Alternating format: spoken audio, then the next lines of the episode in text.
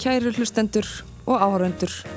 Lestarklefin er komin í loftið og í dag eru gestir hans Saga Siguradóttir dansari, Þorgerður Akla Magnúsdóttir bókaútgifandi og Árni Viljámsson listamæður. Við ætlum eins og alltaf við þessum þætti að fara um viðan völl í menningar viðburðum vikunar. Við ætlum að spjalla um leiksýninguna Takk fyrir mig í Yðnú, söngvakeppni sjómasins og kveikmyndina Green Book. Verðið velkominn. Takk. Takk hjá það fyrir. Þá leggur þessi lest af stað. Við ætlum að hefist handa á söngvakeppninni. Við mismaltum okkur aðeins hérna áðan fyrir útsendingu og kallum þetta Eurovision sem er auðvitað ekki tilfellið. Þetta er íslenska fórkeppnin okkar. Söngvakeppnin sem hefur verið skröðleg, litrík, fjölbreytt í ár eins og önnur ár. Hvernig hefur þetta slegið þig, Átni? Uh, sko, mér finnst þetta bara að mörguleiti mjög skemmtilegt að horfa á þessa þætti en hérna mér finnst þetta samt alveg langir þættir. Mm. Þetta er alveg 90 mínútur? Eitthvað slegis, já. Mér finnst svona, mér áhugavert hvað, hvað er svona, gert mikið úr þessu og sérstaklega ég ljósi þess að, að, að á samfélagsmiðlum að þá, þá er verið að tala um það að þau eru að ná aðtíkla fólks helst á fyrstu 5 sekundunum mm. og, að, og að myndbönd með ekki verið lengri en 45 sekundur eða mínúta að þá er þetta múin að missa áhörandan en við getum samt alveg gert 90 mínuna þátt úr, úr hérna, þessari söngakefni en jú, það er bara búið að vera mjög ágæðvart að fylgjast með þessu og, og hérna, hattar er náttúrulega skemmtlegir og, og hérna, mjög, með mjög stert atriði. Mm. bæðið það kemur að búning og framkomi og lægið er, er einstaklega gott. Þetta er bara svona gæsa húðalag myndi ég að segja. Mm. og hérna, já, og sen er svona flip eins og Elli Grill og bara, þetta er bara góð skemmtun Já, Saga, hvað segir þú? Þetta hafa verið skemmtilegt í ár? Já, kannski mjög skemmtilegt en, hérna, en það er samt alveg langt síðan ég verið að spennt yfir Eurovision, um þetta því það er svona híti í loftinu. Og hérna já, ég er alveg samanlega því að hatar er hérna með heitt, með heita innkomu. Og hérna ég er náttúrulega sjómanniska og hérna og þetta er rosalega flott sjó sem er, hérna, er að mæta með og svona rosalega hérna, stærst aðdráttarafl og ekki bara því það er pungað og svona kannski að einhverjum sem einhverjum finnst hérna augrandi heldur er þetta bara svo ógeðslega vel gert mm. þau eru svo flinki í þessu kóriografían sko í framsetningunum þeirra og þessi element sem þeir eru að vinna með minnstu bara koma með svo góða heild, góða og krassandi heild sem að einhvern veginn alveg já, þau nekla þetta svolítið á sviðinu, finnst mér. Þorgir og maður kannski gerir að fyrir því að atriðin sem byrtist í, í þessar undakefni svona gefa allavega vísbendingu um þá breytt sem er að finna í íslensku tónlistarlífi eða allavega svona einhvern ánga af henni. Hvernig finnst þér hún byrtast okkur í þessum fórkjörnum? Næ, er það? Manni finnst þetta að vera svona sko stundum kemur svona eitthvað einn sem maður kannast við kannski úr tónlistarsennunni án þess að ég sé einhver sérfræðingur um íslenska tónlistarsennu akkurat núna. Ég hef oft hlusta meira á tónlist en akkurat núna mm -hmm. en hérna uh, en, en þetta er svolítið svona sérstök tegund á tónlist sem er þarna en svo náttúrulega kemur eitthvað inn svona eitt og eitt eins og hatari sem er alveg ótrúlega gaman að fylgjast með þetta er alveg geggja flott atrið eins og þau bæði lístu sko það er mm. bara, þetta er svo vel gert og svo var ég eitthvað að grubla þannig í gær og, og, og sá á YouTube hérna hlustendavölun FM 957 og þar sem að þeir voru að performera og, og það þau. Og það, þetta, var, þetta er ótrúlega flott. Gaman að sjá þetta mm. og myndböndin. En auðvitað þetta er ekki fyrir kannski alveg alla. Mm. en, svo, en þú veist ég er ekkert með búin að hlusta á átni var að segja að þetta var svo langi þættir og það er alveg rétt. Við hliðin á ímsu öðru sem að má ekki vera lánt af því að þá er það ómögulegt. Mm. en, en hérna en svo þegar við talaðum 90 myndur þá myndi ég eftir því þegar ég bjóð í Ítali og voru að horfa alltaf á þryggja tíma að lámarki þætti og svo átta tíma Buona Domenica sem var sunnudastátturinn en ég ekkert meginn svona hérna, ég, ég hef hort á þetta svona kannski með öðru auganu þessi kvöld og mm. mér finnst þetta svona mér finnst þetta ekkert svo langt sko. Ég ekkert meginn, hérna, mér finnst þetta skemmtilegt. Ég hef náttúrulega mætt líka með krakkana þú veist, á, á sjóið þú veist, eitthvað, ég heiti fyrir eitthvað það var sjúklega gaman Já. en það sem ég finnst svona af kandidatunum í ár vera líklegt er annars vegar eitthvað með til að fara áfram vera hatari og svo Friðrik Ómar það er mjög eitthvað án þess að ég sé búin að stútur öllu í nákvæmlega mm. En ertu búin að stúdira ríhönu hérna, on, on, hvað heitir það, A Love on the Brain, heitir það ekki? Já. Love on the Brain. Já, það veldi einhverjum meina að það var svona grunnsamlega mikið líkind Já, er það? Já, bæði sko, er, er lægið, bæði lægið er mjög líkt Já, ég kann- og sem er kannast bara þetta lag, sko. allur hljóð heimurinn Já. bara eiginlega copy-paste sko. En rosalega vel sungið á Friðrikjómari og vel flutt Já. mér finnst það bara einstaklega vel gert en hérna ég tekkaði henni bara sérstaklega á þessu hlusta á, Já, og ég var að pása þessu. lögin hlusta viðlegin á sama tíma og svona. og þetta er mjög það er, þetta er langt gengið þú ert farin að stela allir próduseringunni og öllum hljóðheiminum og bara og þá er það kannski Er það bakræðinnar og að, það að um bæði bakgræðinar og, og líka bara hljóðheimurinn er bara svo sami sko, bara sömu, sama nótgun á hljóðfærum og sama pródusering þannig að Já, það er svolítið langt gengið sko. Það er alltaf lægi, alltaf lægi, sko, já, listin við að, við að hérna, stela, það er að, það er að stela henni að það sé ekki tekið eftir því, sko. Það er alltaf að stela út um allt, sko. En maður hefði heyrt eitthvað svona varandi í Eurovision keppnunum með það ekki eitthvað svona, að einhver stefðu lög líkist ansið mikið einhverjum öðrum lögum, er það ekki? Já, kannski fátt svona 100% original í þessu, maður veit það ekki. Já, já, einmitt. Ég er einmitt hérna, ég er alveg ógætlega sko mig grunar kannski að, að Friðrik Ómar og, og Hera mögulega séu svolítið svona höfum það kannski til svipaðs hóps. Já, hún er náttúrulega- Krakkana þá, Og er- professional sko þurfum við ekki kannski að orða þetta, veist, þetta er náttúrulega, er krakka þáttur, eða ekki? Og þeir sem kjósa, Er það? eru, börnin kjósa á Ekki endanum. bara sko. Þetta er þetta þáttur Það fyrir alla, þetta er svona fjölskyldu þáttur sko. En, en, en börnin, krakkarnir sjá um að kjósa og, og þess vegna er það sem, að, það sem fólk er búið að saminast um að sé gott og best það fer ekkit endilega sko. Nei.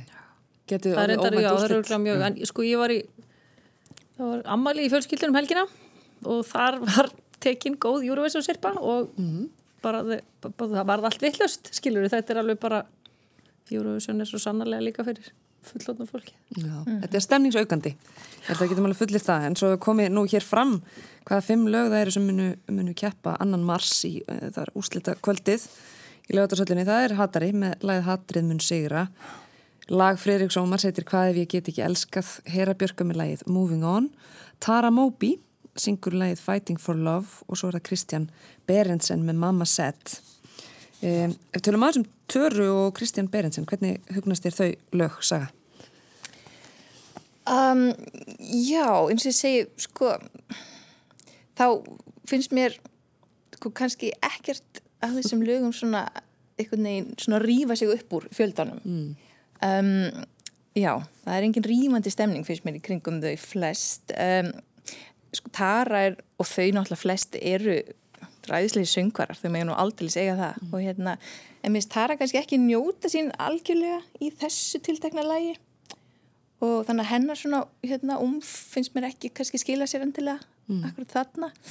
Og hérna já, hún Kristína, já, hún var í fyrirkeppninni Já. og svo búið henn að koma núna akkurat, það var svona svolítið það var fínt atrið, svona sassi hérna, sassi atriði og hérna, virkilega flott hérna, típa, en, en ég er ekki sannfærðum að að svona, já að þetta munni rífa sér í gegn.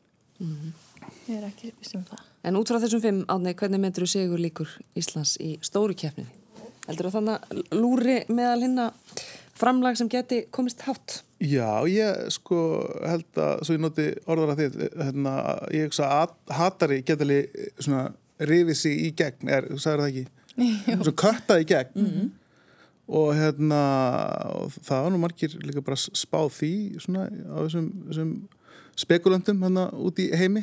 Eu- Eurovision spekulantum sem að bara te- telja að hatara uh, hafa góða líkur. En það, eins og ég segi, þetta, þetta, er, þetta er gott lag. Lægið er raunverulega gott.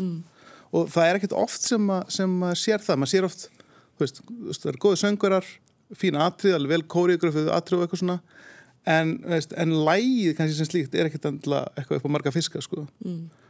og en, já, ég tel að, að þeir séu með nægilega svona sterkan karakter til þess að, til þess að svona kött í gegn, Einmitt. eða Þorgeir, rífa sér í gegn.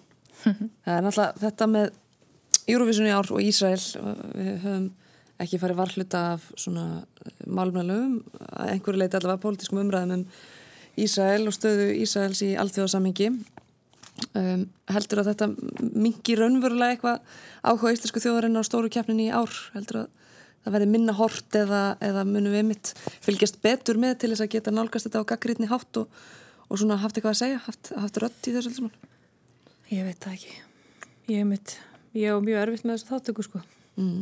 Mér er eitt að fylgjast með hérna heima og þetta er bara svona eitthvað sem fjölskyldur hafa gaman að þessu söngakefni. Þetta er þessu fjölskyldu efni í sjónvarpinu. Mm. Ég er mjög erfitt með þessu þáttöku sko, þannig að ég, mein, ég, ég, ég, veit ekki, ég veit það ekki sko, það getur bara vel verið að fólk fylgjast með alveg óháð því hvar þetta er haldið og allt, allt þar umkring. Ég var um þetta að ræða það áðan við hérna við fólk sko hvenar keppnin hafi síðast verið haldin í Ísrael og hvort að það hafi verið svona hörð umræða um þáttöku eða ekki þáttöku þá. Og, og okkur myndi að það hefur verið 98 Mm. og ég bara man ekki eftir alveg svona svakalegri umræða þá en það var kannski eitthvað annað pólitísk landslag og svo var náttúrulega samfélagsmiðla byltingin ekki halveg hafinn sko með sama hætti. Þannig að maður fekk ekki kannski jafn miklar upplýsingar, ég veit það ekki.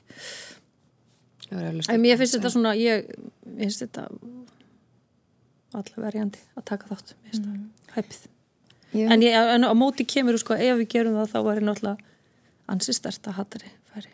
Mm. já, ég hef verið að velta því fyrir mér sko, það er kannski svolítið hált svæði sem að hattar er að spila á þar. Að því að þeir koma inn í keppnina svona á svona á vissu andófi og gaggrinni um, en ég er svona að spyrja mig að þessu, þeir eru nú samt sem áður þáttakendur og hérna telst að virkilega andófa taka þátt í því sem þú ert að spilna gegn eða hvað og svo, þannig að ég er mjög forvitan að vita ef þeir, ef þeir komast upp á keppn, keppnin hérna og, og er bóðið út, sko, hvernig er alltaf að spila úr því? Þeir eru náttúrulega að leika sér líka með þversagnir. Þú veist, þeir segja eftir að andkapitaliskir en síðan alltaf er að selja nokkra bóli og, og þetta er svona leikur hjá þeim og, og ég það- er það ekki það sem að listamenn þurfa að vinna með? Það er, það er svona þversagnir og, og líka til að koma skilabóðum áfram að þá og líka til, og til þess að skilabóðum kött í gegn svo ég segi það nú inn, en einu sinni að hérna, það þurfa að vera einhverja, einhverja þversagnir og ég meina þeirra viðlæðið þeirra er, þú veist, hatrið mun sigra og það er náttúrulega komment á, á þetta allt saman, ekki, ekki satt Já, já. Þeir hafa líka sagt það er ekki ofnbæru vettvangi við tölum að þeir muni berið þeir Sigur og Holmi þá muni þeir beita sér á einhvern hátt eða Já. allavega ávarpa er ekki nú þegar byrjaðar á því, eða ekki? Jú, Ekki búið, er ekki, var ekki eitthvað sem að þeir eru búin að skora þarna á, á, á hann hérna í, í glímukeppni hérna fásettisráðara mm. og ekki satt? Nú veit ég ekki. Og, en þá eru það að standa við stóru orðin allavega byrjaðar á því og þeir eru strax byrjar að vekja aðtekli í Ísrael þannig að hérna, þannig að einhver, einhver áhrif er, er, að- er, að- er, er að hafa sko. Já. en ég veit ekki hversu alvarlega fólk tekur þessu En það er mitt, mitt, ef verður þetta bara mitt eitthvað svona grín, eitthvað svona komikri líf, þú veist, þó að ég veit að þeir séu ekki endilega þar, sko Mhm. að hérna já, ég misti þetta svolítið þetta er þungt, einhvern veginn Einmitt. þeir eru svona mikill léttlegi einhvern veginn og svo er þetta bara alvara Æ, málsins já. það er laugrétt en við skulum skiptum um ræfni fara yfir í kvikmyndina Green Book tilnæm til Óskarsvæluna sem að veitt verða á sunnudaginn. Margir sem vilja meina að, hún um, það séu svona talsverða líkur á hún hreppi nossið en aðri ekki alveg ja, hrifnir. Þessi bók segir frá tónleikaferðalagi jazzpianistans Don Shirley og bílstjóra hans og lífvarðar Tony Lipp um Suðuríki Bandaríkina árið 1964 en ferðalæginu fylgdi mikil áhætta fyrir Don vegna fordóma margra Suðuríkja búa á þessum tíma gagvart fólki af afrískum uppruna. Svo er þetta líka saga vináttu, þetta er þroskasaga einhverju leiti og svona ymsar... Ymsar hérna vísanir og þemu sem að þarna koma fyrir. Hvernig fannst þér þessi mynd Þorgjörur Agla? Green Book. Mér fannst hún, mér fannst hún sko skemmtileg, mér fannst þetta kannski ekki beint eitthvað svona stórmynd, hvað sem það nú er en hérna hún var ske skemmtileg og það eru alveg svona áhrifamikli kaplar eðlilega þannig í myndinni. Átti ekki að vera eitthvað 62 eitthvað Í 64? 64, já. Sem er keira þarna semst, úr norðurinu frá New York og alveg alla leiðina söður söðuríkja bandaríkjana inn í dýfsta söðrið og það er náttúrulega bara svona að vissuleiti eins og maður getur ímynda sér og ég, maður hefur í mörgum öðrum myndum og lesið um og svona sko allt það sem að mætir eh, píjónuleikarunum sjálfum og svo náttúrulega bara þeim og ótrúlega áhrifarík sena þarna þegar pillin bilar, það stoppa þarna einhver starf bara á miðjum vegi og, og hérna og hann bílstöru stígur út og fer eitthvað að, að huga vélinni og, og hann píjónuleikar stendur upp, hvað heitir hann, Don? Don, já, eða ekki? Jú. já. Já. Doc, Doc, einmitt, já, Doctor og hérna, leikarinn heitir Ali hann heitir Ali já, hann stígur út og hérna og þá sest, standa þarna bara á agrinu fyrir framannan hérna bara, þú veist svart fólk eins og hann nema bara einhvern veginn alls ekkert eins og hann. Hann er þarna uppáklættur og fín eins og hann er. Og þau þarna bara begð af, af þrælkunar vinnu og þetta er svona eins og þau sjáu bara einhverja svona já, ég veit ekki, ég hugsa svona að sjá henni í framtíðina eða bara að sjá bara einhverja svona hillingu sko. veist, þetta sé ekki bara, þetta sé einhverja bara einhverja offsjónir mm -hmm. af því að svo opnar bílstörinn kvíti fyrir honum svartamannum fyrir þinna og hann sest inn. Það er svona, mér varst það mjög flott atrið en já. En ekki kannski beint svona stórmynd en margt svona fallegt og mm -hmm. hjartnæmt. Mörg gæsa húða atrið í þessari kvikmynd svo sem margir sem vilja meina að hún sé reynilega skrifið með það í huga að vinna til Óskarsvælinu, það séu svo mörg svona þeim mm. aukvöld veginn og, og svona hjartfólkin, augnablík og, og einmitt svona stór og mikilvæg viðfangsefni sem þarna koma fyrir. Tekur undir það saga, fast er þú vera meðvituð með þeirra horðir að þarna væri verið að skjóta í, í átta Óskar? Já, já, gerði það. Hún er rosalega svona rétt og hérna Já, já, þetta er svona hugljúf lögadagsmynd sko og vinnur í þessu svona inn í þessu sára svæði þetta sem að aðskilnaðurinn er aðskilnaður svartra kvíta og hérna og svona og, og það náttúrulega er alveg svona kjör, svona kjörlendi fyrir svona mannlega sögu og við náttu svona yfir mörg og, og þess áttar og hérna En já, finnst nú bara sjarmirandi sko, ég er líka bara rosalega veik fyrir þessari perjóðu, sjönda áratögnum ég er alltaf til ég að fara þangað í bíó. Mm. að ég var nú ekki árun til þá en hérna, hefði alveg vilja verið að keira einn af þessum góðu bílum og þetta, en hérna en það sem ég fannst kannski áhugaverðast er svona, já stóð upp úr fyrir mér, hvað söguna var þar var svona, er, er þessi staða hans, doktorsins. Og hann segir það einhvers þar um eitt að hann er einhvern veginn ekki nógu svartur til að tilheyra mm. og ekki nógu hvítur til að tilheyra mm. þeim hópi heldur og það varst mér hérna, það varst mér einmitt mm. vera kannski svona dýftin þarna Það kemur einhverjum óvart kannski að þessi myndir eftir Pítur Farelli um, og þarna gegnir tónlist auðvitað mjög stóru hlutverki að, að personan er þessi píanisti, píanuleikari -hmm. Maður heyrir samt ekki tónlist sko að sér hann ekki flutta eða heyrir í alpersoninni spila fyrir einn svolítið landin í myndina. Ég held að sé að liða einhver góður hálftími 40 mínútur. Þá getur maður heyða hann fyrst setjast við piano og, og byrja að spila. Finnst þér tónlistar þátturinn áhrifða mikið í þessar mynd Anni? Já, bara mjög sko. Hérna þannig að það var eins og sem ekki það sem reyði mest við mér en ég meina hann var alltaf gífurlega klár pí píanisti mm. og, og það var alveg svona bara, þú veist og, og því var komið til skila í myndinni en hérna en uh, já bara ég hugsa að það sé nú líklega að, að þið vinni óskarsvælum fyrir, fyrir búningahönnun hann var í mjög flottum fötum til dæmis mm. allan tíman mm -hmm og hérna þessi mynd náði mér doldið mikið sko. Ég, ég hérna, veist, algjörlega uppsk, uppskriftin einhvern veginn náði mér sko. Veist, ég tára eftir örgulega svona þrísasunum mm. mm. og hérna þetta er alltaf svona góður brómans Já.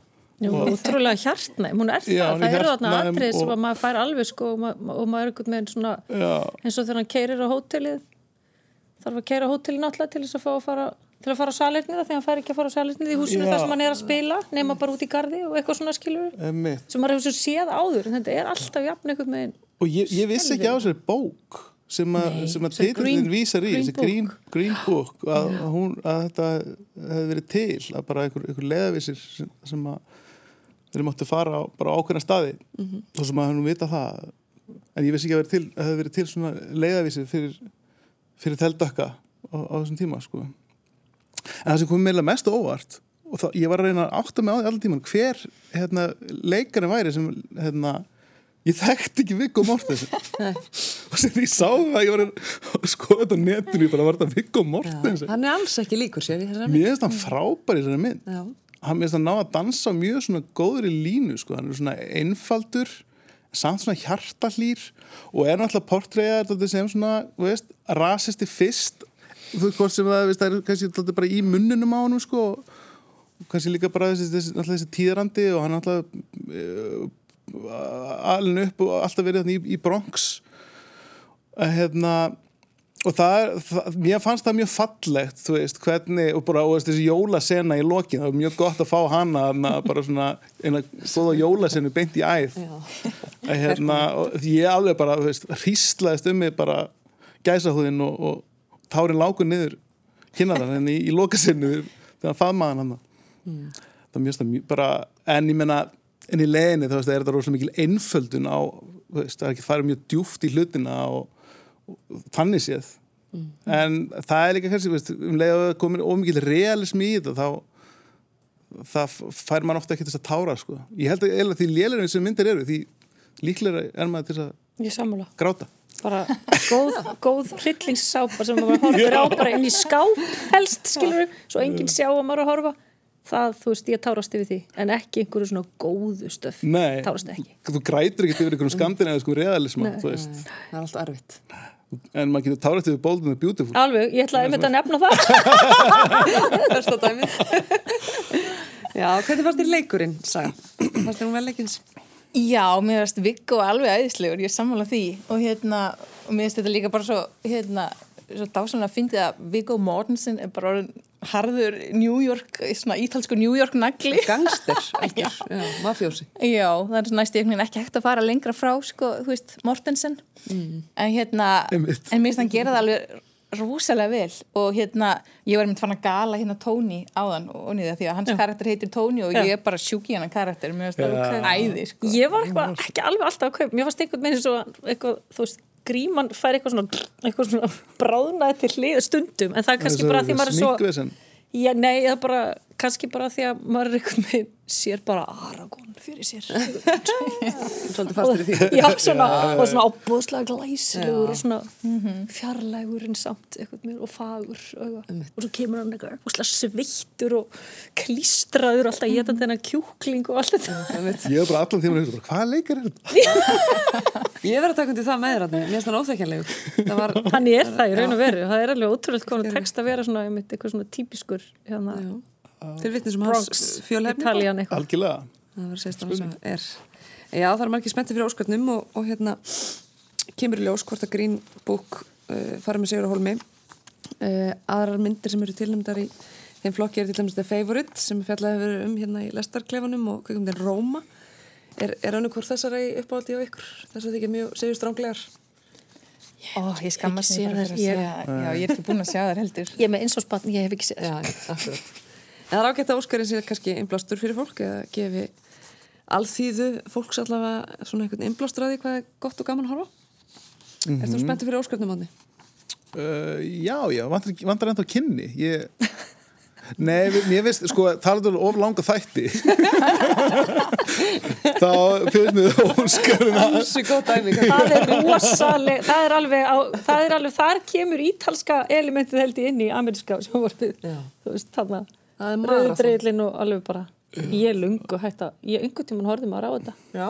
sem er alltaf svona þvingu skemmtatriði einhvern veginn og ég veit ekki En spennufaktor í því að hafa þetta svona í benni. Maður veit aldrei hvað gerist. Ná, já, það er, já, en er ekki allt í beinni þess að þannig að það er kannski ekki spennandi og það var. Já, kannski. kannski. En, en þú Saga, vakir þú eftir Óskarnum? Það er langt sinni að gera það síðast en hérna, það spilar svona bara fjölskyldulífa börnin í. Ég væri alveg til í það. Ég hef gaman að svona marathóni, sko. Já, Já, uh, maður er alltaf með svona romantíska hugmynd um það, þú veist, sem er maður alltaf alveg að sopna bara mm -hmm. Það er misjant sumir vaka náttúrulega líka eftir íþrótalegjum og margir sem að er í köruboltanum NBA Ég ætlaði þetta að segja því ég gerði þetta á tímabili Óskarsvælunum og NBA Já, ekki það er lengur liðin tíð Trúið náttúrulega enginn að ég hef verið að fylgjast með NBA en veist, það er mjög langt síðan. Já. Einmitt, svo náttúrulega Eddan afhend í kvöld. Já, Það er okkar íslenska verðluna hátíð mhm. Þannig að ef löst einhverju sem að fylgja spenntið með því Hver er að kynna? skikkanlegum tíma. Það er góð Það spurning. Eh, vildi ég vissi það. Herðu, ferjum okkur yfir í næstu, næsta menningaviðbur Það er leiksýningin Takk fyrir mig sem síndi í Yðnú Já, Landsinni ég hef farið þangað í leikhús í það minnsta, það er ekki, gerst ekki í hverju viku og þessu settar upp leiksýningar. Höfundandi sjálfur lýsa þessu verki sem órögrætni framvindu skýrslu um framvindu leysu samtímans. Stúdíu um tortrygni og gnístran tanna, sparifattaklætt vænisíki sem þó sötrar límonaði þegar örlar á sólskinni. Mm. Verði velkomin, segja þau. Þar hafið það, engin smá lýsing. Þetta er verk eftir Adolf Smára Unnarsson í leikstjótt Mattias að Tryggva Haraldssonar Fridrik Margreðarsen sem er tónlist og það eru leikarar sem að lærðu leiklist í Danmörku sem að, sem að uh, standa þannig sviði Vilhelm Netto, Júlíana Liborius Fjölni Gíslason og Hildur Ír Jónsdóttir svo því sem ég ætlu haldið til haga Saga, hvernig fannst þér þetta verk? um, ætli ég byrja ekki hér að hérna, sko þetta er fólk sem er að koma út úr skóla, mjög nýlega útskrifað, flest eru þannig að mitt leikarefni frá Kaupmannahöfn. Og um, leikskáldiðan Adolf er nú enn nemi í listaháskólanum. Og hérna, já og þau svona er að mæta til leiks í senuna. Og hérna svona byrja að láta þessi kveða og, og gera þetta svona greinlega af viljan, á viljanum. Og hérna og svona á handablinu eins og, hérna, eins og Mattias orðaði sjálfur í hérna, þakkartölunni sinni eftir frumsýninguna. Og hérna og mér sýningin einmitt bera þess svolítið merki að hún er svona unnin á viljanum, kannski frekar en reynslunni en það eðlilega, eins og ég segi, þetta er ungt un, ungt lista fólk svona stíga fyrstu skref. Um, þannig að mér fannst þetta svona kannski vera e, svolítið eins og, eins og uppkasta sýningu drögað sýningu af til vil mér fannst þetta kannski ekki vera komin alveg alla leið aðfyllinu verki en það voru þarna svona svona þreyfingar og verið að hérna, spreita sig svona á þessu að hérna, já, bara setja upp síningu frá grunni og af litlum efnum. Eru ekki lítil sem engin peningur sem það hafa að spila úr. En þá aftur á móti eru þetta alltaf listamannsins að hérna bara vinna það sem hann er með í höndunum og, og skapa, gera sér sköpun úr því og mér finnstu komast svona hérna, komast eitthvað áleiðis en En ég hefði bara viljað sjá hérna, efni við tegðan bara talsvert mikið meira, bæði sko, hérna, textavinnuna og útvarsluna og, og sviðsetninguna sjálfa. Þau eru að vinna með mjög svona, e, já ég held ég geti sagt bara svona fá, fátæklega umgjörð. Hérna, þetta eru borð og, stól og, borð og stólar og reynda mjög glæsilegu flýi hérna á sviðinu og kóklóskur og Dominos pítsukassa. Þetta er svona mjög, hérna, svona hverstagslegi munir og hérna hverstagslegi umgjörð sem að mér finnst að þið hefðu kannski samt jafnvel geta rannsakað meira og teikt meira og svona vikað myndmáli og kannski farið með okkur áhörvendurna á, á svona á fleiri staði ég saknaði svolítið að þau svona opnuðu fyrir okkur að fara einhvern veginn víðar í huganum heldur en bara vera þarna með þeim í þessari sittu og sjónum við borðið í þessu heimbóði eða hvaða var heimbóð veistla Já, þannig að hérna, það var kannski svolítið lítill heimur fyrir mér. Mm. Þóttu væru að vinna með að sumileiti sko svona skemmtilega aðferð hvað var það svona absúrt. Þau mæta svona fyrring, fyrtum hérna, efnum eða fyrringu með fyrringu. Þetta er svona uppskrúfaður, svona sveittur leikstíl, allt er svona skælt og hysterist og hérna og svona hverstagsleg samtölu eru skælt með svona íriðma eða með því að nýta tól eins og ljós og hljóð og, og þar fannst mér ímislegt vera svona já, svona efnilegt, svolítið spennandi og eitthvað svona fagufræðir sem að ég væri bara spennt að sjá blómstra frekar í vonandi komandi í verkefni hjá þessum hópi. Þorgjur Ragla, hvernig slóðu þetta þig? Þetta var náttúrulega, svo þess að saga lýsir vel, þá er þetta, það er ekki raugleg frammynda eða kannski skýr söguþráður, þetta er meira kannski andrúnsloft eða svo stemning, Já. svo glefsur úr, jú, einhverju matrabóði eða samkomu. Hvernig fannst þér síningin? Mér fannst, mér finnst alltaf gaman að fara á eitthvað svona utan hefbundna leikus, þú veist, utan stóra leikusuna. Ég er svona skemmti mér ef maður getur orðað þannig betur mm. þá, það, það er svona sérstundur bara eitthvað nýtt eða eitthvað svona aðeins öðruvísi en þetta var, þetta, hérna það var bara margt skemmtilt að það, ég var náttúrulega svolítið þú veist að pæli textanum mm. og hérna mér fannst þetta að vera svona svolítið eitthvað einhver svona eitthvað úr einhverjum kommentarkerfum sumt mm. og, en það var svakalegur kraftur í þeim alveg svona svakalegur kraftur sem að þau síðan einmitt skrúvar svona upp og hérna, það, held, það verður bara gaman að fylgjast með þeim í framtíðinni hérna, en þetta var allt svona svolítið svona, já, svo ykkur áttinni, svolítið gaman þetta allt sem að vera að kalla upp hérna, pizzakassarúni mm. ég hefði vilja, ég rétt náði einhverju, einhverju aðeins um hatara upp úr, upp úr þeirri rúi og hérna já, það var svona það voru svona moment hérna ég er ekki, ég er ekki rasisti í læð, það var aldrei mm. gott og svona mikill kraftur í hérna brosgrímunni hjá henni Hildi. Mm. já, já. alveg svakalegt hérna. því lít annað eins álímt bros. Ég hef bara, það var bara alveg, bara alveg magna sko. þannig að það er, rosa, það er mikill kraftur þarna. Það er gaman að sjá meira. Akkurat, kraftmikið segið þið báðar tekur undir það, Afni Já, sko mér finnst það skemmtlegt að horfa á þetta og hérna, þetta er náttúrulega eins og saga komin að ungt, ungt leikus, ungt fólk og bara lofa góðu, myndi ég segja og hérna, hann er alltaf úr improv-senni, hann hérna Adolf sem skrifar þetta Já. og mér finnst það kannski bera þess merki að, veist, þetta er svona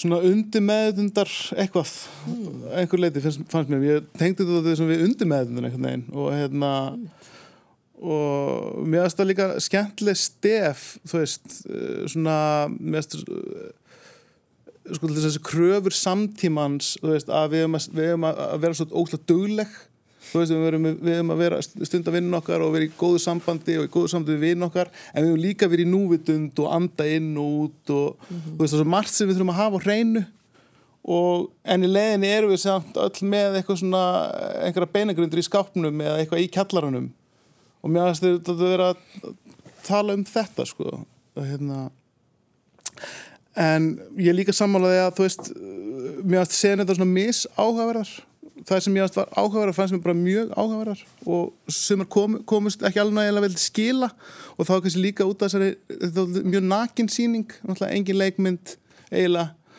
og hérna mm, já og smá svona, svona show and tell veist, svona, skiptust á að vera með atrið eitthvað neginn en það var svona rauður þráður eitthvað neginn á milli millið þeirra sko mm. og já og, og, og í leiðin er svona, svona surrealist þú veist og það var kannski uh, helst þegar það var verið að svona sína þessa beinagrindur sem við erum í, þú veist, þá kom þetta svona surrealismin eins og þannig að hella tönnum yfir sig, þannig að tannlæknin mm -hmm. þú veist, þannig með eitthvað svona skrítið, ég veit ekki fettis eða, ég veit ekki nákvæmlega alveg, veist, en það er eitthvað svona, þú veist við erum að, við erum að fel eitthvað, þú veist en við erum öll svona picture perfect og kannski doldið þá í leginni eh, kommenta á, þú veist, social media eða hérna, samfélagsmiðluna þú veist, þessi, þessi, þessi mynd sem við sínum á okkur en, en, en er ekki alveg sönn mm. ég tók það alltaf út úr þessu síningu mm. og, og, en mér fannst ofta tíðan bara mjög fyndin og það var, veist, það var að vinna með svona, mm. svona taktleysi og svona oflangar þagnir og sem alltaf var líka mikil nálaði áhærendur og það er mikið að vera að horfa á mann og og sem alltaf er hérna, fjóruði vekkur um brotin daldi, eh, svona sérstaklega þegar bara vera, við erum indið til svörum í rauninni sko. hérna, sem var skemmtilega gert og, og þá var alltaf verið að brjóta allar reglurnar mm. en, en þú veist og kannski svo saga sagði að þú veist já, maður, kannski, kannski þarf maður að tilengja þessi reglurnar aðeins betur áður en maður fyrir að brjóta þér en mjög hressandi veist, leikus myndi ég segja og, og þeir sem eru vanir að fara í hefðbundi leikus veist, að bara, ég myndi bara mæla hygglast með því að fólk skellir sér á þessa síningu með þessum kraftmiklu ungu hressu krakkum sko. Ég er eitthvað Ég var bara að hugsa þannig að ég er búin að tala um einhverja pizzakassaflóð og þú segir hellir í þessu tönnunum og eitthvað svona. Ég hugsa að það hlýtur að hljóma mjög áhugavert er það ekki? Já, ég ætlaði að segja, mér varst einmitt svo gaman að fara að sjá svona leikus í yðnó mm. og ég gæti ekki annað en hugsa sko nokkur áratugji aftur bara til kynnslóðurinn sem var að vinna kannski miðja síðustöld einmitt í yðnó og hérna setja upp kannski einmitt af litlum efnum og einhvern á viljanum og samílu ástriðinni og mér varst bara svo dáslegt að hugsa til þess að þetta hús er ennþá að hýsa hérna ennþá, aftur kannski aftur að hýsa svona, svona ungan svörð einhvern veginn og já fannst það gaman og gaman að sjá svona, svona leikhús inn í þessu fallega inn í þessu fallega rými sem að einn og er. Og svo finnst mér líka áhugavert bara að taka eftir því sko hvað hérna uh, hvað hópurinn er að uh, fást við og mitt þessi unga kynnslóð hérna eru greinlega líka svolítið að velta fyrir sér sko svona eins og sjálf, sjálfsmyndin okkar mm -hmm. sjálfsmynd samfélags okkar. Einmitt og mér finnst ég finna fyrir því að þau væri svona, já, að velta fyrir sér einhverju sjálfsmynd og gildum sem væri kannski komin að einhverjum, ég segi ekki, hérna, eld, einhverju eldlínu, en svona er að mæta nýjum áskorunum kannski og þá er svona, já, það var endur með þetta, svona hvaðan við komum og hvað já. við viljum og mér finnst ég svona, einmitt, vera í þessari glímu. Það var svona sjálfsbytta krísa einhver, mm -hmm. í rauði þráðurinn, aldrei. Mm. Einmitt. Það voru náttúrulega svona stór og þung viðfóngsefni kannski þótt að það sé svona léttleiki gegnumgangandi í síningunni. Það var þarna verið að fást við sjálfsmynd okkar allra inflytjandamál, þjóðar mm. tungumálið, tungumálið okkar. Já, það beinugrindunar okkar Íslandinga Já, já einmitt og líka svona samskipti manna á milli. Uh, voru þetta viðfóngsefni sem hafðu þetta þín, Þorgir, fyrst þegar Já, já, já. Ég, mér finnst þetta bara áhuga mér finnst líka bara gaman að sjá sko þau eru e, þú veist við það að klára skólan og ég held þessu svona flest svona millir 20 og 30 eitthvað mm -hmm. flest og sjá bara mitt hvað svona brennur á þeim það, það er líka bara áhugavert mm. og hérna já ég, ég bara forvitið, mér finnst alltaf gaman að sjá eitthvað hvað fólk er að pæla mm. Við rætum hérna áðan aðteglisban nútíma áhugandans, viðtakandans það er svona kannski stittra en það hefur verið, vilja einhverju meina allavega. Uh, mér finnst ég sjá í auknum mæli í íslensku leikúsi kannski ekki síst svona regluleg uppbrott og leiðir farnar til þess sennilega í einhverju skinni að hluti til að, halda aðtegli áhórandans gangandi, þarna sáum við mitt svolítið skýru uppbrott bæði með tónlist nánast uppistandi nýri tegund rattbeitingar eða svona senu sem að gaggjert voru búnar til til þess að brjóta upp held ég mhm. allavega og halda aðtegli mhm. árandans mm. uh, og þetta finnst mér að sjá víða svona einhvern veginn kannski stittri senur, hraðari skiptingar leiðir farnar til þess að halda aðtegli okkar levandi og virkri tekur undir mm. þetta átni Já, algjörlega sko ég held að það sé bara fín, fín greining sko og og í þessu tilfelli var þetta kannski einhver aðferð til þess að uh, koma þessum texta til skila. Mögulega hefur hann verið svolítið svona surrealískur og þau hefur kannski verið að reyna að uh, hérna láta þetta make a sense. Og, og, og, og þá varðu úr þessi svona þessi, þessi show and tell stemning eitthvað neginn og svona farur einn í annað. Mm. að hérna það má vel vera að það sé já, út, út af þessu með, með aðteglisspannið sem við höfum sko. Bara, já. Er það sem koma skal, Þorgir, heldur, heldur að nú sé þetta bara orðið spurningum andrumsloft og glefsur kannski svona brotakendar síningar frekar en að sé verið að segja svona heilegar lengri frásagnir sem engjöndu kannski leikúsfrekar í gamla það eða svona fyrir á tíum Ný, ég veit það ekki, ég er ekkert viss. Þetta er eins og, þú veist, þegar að vera að tala um dauðabókarinnar eða eitthvað, ég er yngan þessum dauða. Þetta kemur og fyrr Já, ég, ég veit ekki. Svo, þú veist, svo er alltaf verið að tala um þú veist, núið, að vera í núinu og dvelja þar og taka sér tíma og eitthvað með er þetta ekki allt svona þetta er allt eitthvað með henni bland? Mm. ég, hérna ég er svo sem er ekki sérfræðingur í því hvað er að gerast í íslensku leikursi þannig séð en ég hérna ég, ég veit ekki, kannski er það nægt ég held bara ef síninga er góð þá bara heldur hún aðteglinni og það þarf ekki neinn tryggs til þess. Sæða, mér veist dansin oft svona riðja brautina kannski einhverju leiti hann er svona mikið á mörgum listgreina, óleikra listgreina og leikur sér æg meira að því öllu saman. Um, spottar þú svona einhver trend ef að trend mætti kalla eða, eða svona kannski einhverja leið sem að leikhúsið síðan fylgir innan dansheimsins þetta er stór spurning, ég veit Vá, þessar myndir minnir þau? Já, svona þetta, þessa svona brotakendu senur, um, þetta með að leikhúsið kannski reyna að grípa andrumsloft eða stemningu eða okkur karakterenginni frekar en að að segja sögu frá upphæf til enda Já. er það, frá dansinum vera, komið, sko. Það má alveg vera. Um, mér finnst ég kannast við þessar aðferðir einmitt, um, sko, ég kannast við það lengur í dansumhverfinu, vissulega heldur en kannski í einmitt leikhússenunni hér, já, það má alveg vera. En hérna, en ég er samt kannski ekki alveg svona algjörlega dómbær á það, en hérna, en það er bara, hérna, sko, jú, dansin náttúrulega, hann er ekki hann er ekki bundin við sko við þessa orðuðu frásögn og hefur þess vegna kannski leikið meira svona leysum hala hérna, og svona, já um, það, tilraunir hafa svona bara, já uh, verið mjög upp á teiningnum um, svona bara síðustu áratíu í dansinum ég mynd kannski út af því að já, að því að svona hann vinnur á svona órögrætni nótum bara, í, heldur en kannski leikhúsi sem alltaf kemur frá hérna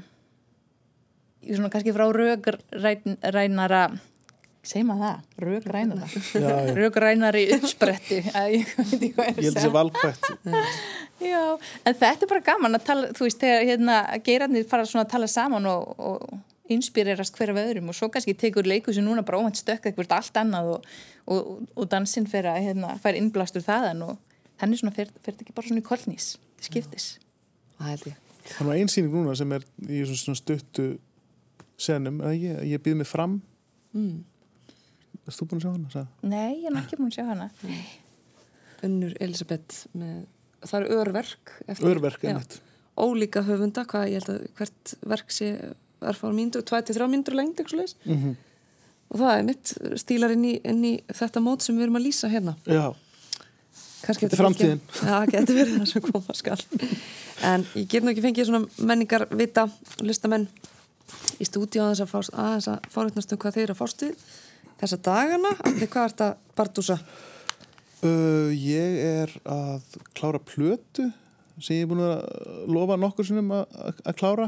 Mhm. Allan á síðast ári, hún átti að, átti að vera til á síðast ári en, en er núna bara að vera tilbúin. Og uh, sen er ég oft að stúsast með Art Studio Art Collective og við erum, munum koma fram í, í tímaritunum Blæti á næstunni. Segð okkur frá, Studio Art, Studio Art Collective Hvað er það? Uh, það er sagt, hópur sem vinnur alltaf eftir, sam, eftir sama ferli og, hérna, og við búum til hluti í, sagt, það verður alltaf, alltaf, til einhvers konar konsept, eða hugmynd eða hlutur í, í hvert skipti sem við, sem við, sem við hittumst Mm. Og uh, við uh, byggum til við hönnuðum moon leggings með hérna, ásand stelpunum í blæti. Og það er, það er bara mjög spennandi. Nú að gera. Já, e- og sen erum við líka að fara að hittast aftur hérna. Og, hérna, Leikhópurinn. Já, erum að fara að undurbúa jólasýningu út af sleikut Já, það er ekkit öðruvísi. En Saga, hvað ert þú að gera? Ertu, ertu að dansa, semja dans Já, konar. þá, þá er ég hefja, hérna, hefja tvö ferli núna í átt að nýjum verkefnum, annars vegar í samstarfi við listamenn eh, úr, frá Íslenska dansflokknum. Um, það er svona til, eins konar tilraun sem verður flutt í hérna, listasafni Reykjavíkur í vor, mæ. Og svo er ég að hérna, já, taka fyrstu skref í átt að nýjum verkefni með hérna, sviðslista kollektífinu sem ég starfa með, Marmarabörn. mm. Já. Einmitt, sem síndi í þjóðleikúsinu Já, síðastlið haust. Einmitt, Einmitt. það var ekki leiðilegt að fylgjast með því verki en Þorgirur Agla Þú er bókaútgefandi og mamma og Já, ég alls er- konar hlutverkum í þessu lífi. Já, já, ég er búin að vera í aðlugun núna það er dótti mín Já. og þar leðandi við líka en hérna, já, svo er ég bara starfandi hjá bókaútgáfunni minni Angustúru og við erum bara strax byrjar náttúrulega að undibúa og byrjar bara að hérna, undibúa það sem næst kemur út og, og náttúrulega það sem kemur út í haust og, og svona, við erum að hérna það svona það sem er á næstunni er barnabók á leiðinni Villinornar, í Villinornar seríunni nummið tvö og svo er hérna fyrsta bók í áskrift á leiðinni fljótlega sem er svona það er sagt fjóra bækur sem við gefum út á ári svona áskriftaröð og hérna og við erum með töluvaran hóp áskrifanda og eh, já, það, það er svona þú veist, við erum bara, við erum bara á færibandinu og hérna reyna að standa okkur. Það er svolítið veltið fyrir mig hvernig lendingin sé fyrir bókaútgöðendur eftir jólabókaflóði. Hversu langan tíma þið þurfið hversu langa innlögn og heilsuhælið þið þurfið eftir, eftir jólabókaflóði. sko, það er náttúrulega bara að þálasmessu klukkan 11 þá er þetta búið, þannig séð. Og hérna og þá og, og þá er maður bara einhvern veginn, já, kannski tekur einhverja dag og svo bara byrjar þetta aftur það er bara þú veist, þá eru þá eru þeim yfir tilbúð og útsölur í búðunum og hérna, og núna til þess bókamarkaðurinn að byrja í lögðarsvöld, hann byrjaði bara í dag þannig að maður er búin að vera að brasa í því öllu saman Í laugadalsvöll, já. Já, í stúkunu undir lögðarsvöld þessi bara árlegi, sko hann var, hann var semst að byrja í dag og ég mitt kíkti við í morgun og var bara fullt af fólki alveg bara gaman að sjá það. Er ekki markaði fyrir sumarbókaflóðið? um, Það er nú alveg svona sko þetta er náttúrulega orðið svolítið dreifðara en það var. Um, Við höfum verið að gefa út bækur svona á vori sem hafa verið að seljast mjög vel yfir sumari það er náttúrulega, það er svolítið svo sumarbókaflóð Þetta stundar fólk sem er að til útlanda Já, að taka bókum ég meina, með. ég, við, erum, Kiljur og já, við erum með svona serju svona, svona, hérna, svona huggulegar bókmyndir fyrir bústað og, og hérna sólaströnd eftir skoska, skoskan höfund sem heitir Jenny Kolka. Og það er alveg svona okkar svona sumar sísón sko, seljum hana. Og hérna og krimmarnir koma líka sterkir þar inn. Þetta er svona huggulegheit og, og, og morð er það sem fólk vil held ég. Í sumafríðinu Já. sinni. En ert þú þeirra á meðal sem að, sem að finnst svona orkan í bókaútgáfu á Íslandi þjappast of mikið inn í jólabókaflóði? Finnst þið við ættum að leita leiða til þess að dreifa þessu, jafnar? Eða er þetta ágætis fyrir Já, ég held að við þurfum sko hérna, við þurfum bara líka svona öll að muna og minna svolítið á bókina. En, uh, ég, en ég, ég er eitthvað með, ég er rosalega bjarst sín ég veit alveg að þú veist það er búið að vera svolítið erfitt og eitthvað svona. En ég, eitthvað með, ég held að bókin sigri alltaf, hún er þú veist þannig ég tali nú í auglýsingafröðsum, hún er besta gjöfin. Fyrir kannski utan. En hún er, þú veist það, það, bók er ótrúlega fullkomin hlutur, ef maður getur orðað þannig. Þú veist, hún verður ekki þó ég, ég er mjög hrifin af fljóðbókum og rafbókum líka. En þú til dæmis þessi pappisbók þetta er alveg ótrúlega frábær eitthvað með einn tækni. já, falli gjöf sko. Ég hérna Nú er engar ágjur á þessu. Nei, þú veist, maður, það náttúrulega verður að, þú veist, það, það þarf að, þú veist, það þarf að passa upp á þetta.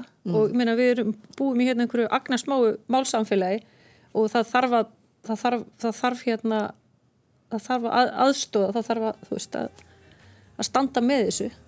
Og ríkisvaldið þarf að gera það til þess að þetta geti síðan svona pluma sig ágætlega í framhaldinu. En ég hef samt ekki áhyggjur af þessu. Nei. ég, einhvern veginn, bækur eru frábærar og ég held að og ég, sko, ég er með litla stúlku heima eins ás og hún hérna hún hefur svo gaman að skoða bækur og flest öll börn í kringum mig bara einhvern veginn, þetta er bara algjörlega frábært fyrir bara bækur Mikið rána með þessar jákvæða nótur sem Já. okkur tekst að enda þetta á hérna í dag. Ég þakka ykkur kærlega fyrir komuna í Lestarklefan. Þetta var hinn ánægulegasta ferð. Saga Sigurðardóttir dansari, Þorgerður Akla, Magnúsdóttir bókaútgefandi og Átni Viljámsson listamenn. Takk fyrir okkur í dag og við minnum á að þennan þátt má nálgast á vefnum okkar rúfmenning.is og rásett. Takk fyrir okkur og góða helgi.